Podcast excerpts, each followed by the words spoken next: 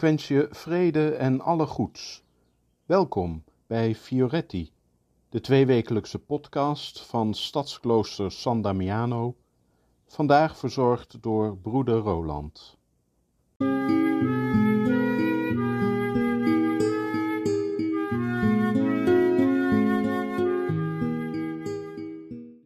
Een influencer.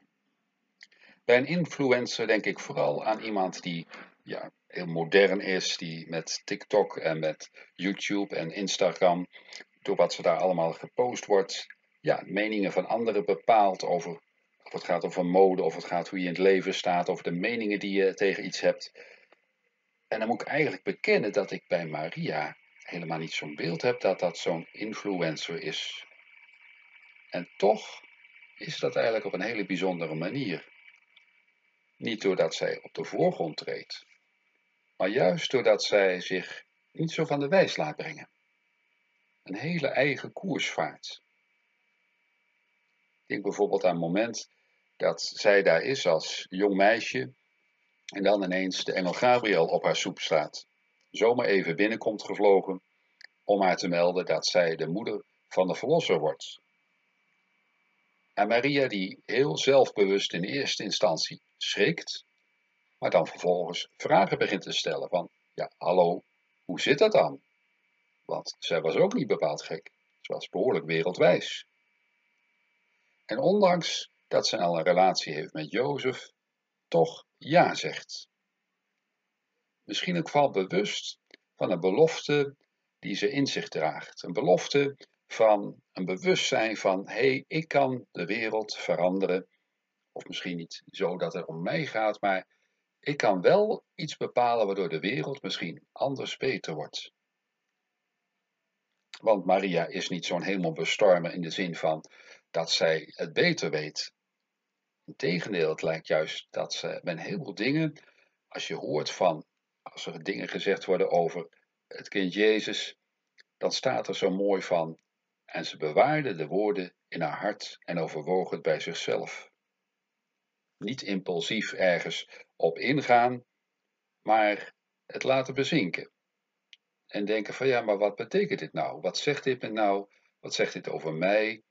En welk beroep wordt er op mij gedaan? En kan ik dit? En aan de andere kant ook met een ja, groot vertrouwen van ja, zelf kan ik het niet, maar er is een grotere macht die mij omgeeft en die mij dat vertrouwen geeft dat het kan. Vertrouwen in God, dat blijkbaar zo diep geworteld is dat zij ja durft te zeggen tegen de boodschap van de engel. Ja durft te zeggen om het licht van de wereld in haar leven te dragen. Ja durft te zeggen om die hele weg met Jezus mee te gaan. En het is wat. Want welke moeder wil nou dat haar kind een weg ingaat waar mensen hem naar het leven staan, waar hij verguisd wordt. En wat uit zal lopen tot op bepaalde zin dat mensen hem zelf dood willen hebben. En toch, Maria is heel bewust in haar keuze. Ze valt Jezus niet af, ze stelt wel vragen, maar ze blijft hem trouw. Zij blijft zijn moeder tot voorbij de dood. En zoals daarna, na zijn dood, werpt ze zich op als moeder voor zijn leerlingen. Bijzonder van Johannes. Het zit hem niet in grootste daden, maar het zit in durven en je eigen koers te varen, in het vertrouwen en het besef van dat wij als mensen tot meer geroepen zijn. Nee, Maria zal geen influencer zijn dat zij opmerkelijke tweets maakt maar wel in de zin dat zij telkens opnieuw ook weer ons uitnodigt om haar invloed op ons leven te laten vormen. Een invloed die niet verontrustend is, maar ons meer die rust geeft en meer doet geloven in wat wij kunnen betekenen in ons leven. Dat ook wij een bijdrage kunnen leveren om Gods liefde en zorg wat meer tastbaarder te maken. Dat ook wij tot dingen geroepen zijn die groter zijn dan onszelf. Maria als influencer. Niet door tweets of Instagram, maar denk wel met een heleboel likes, die als lichtpuntjes over heel de wereld in zoveel kapellen zullen verschijnen en de wereld een stukje lichter maken. Dat is haar grote invloed op deze wereld. Een wereld die warmer zal worden, lichter.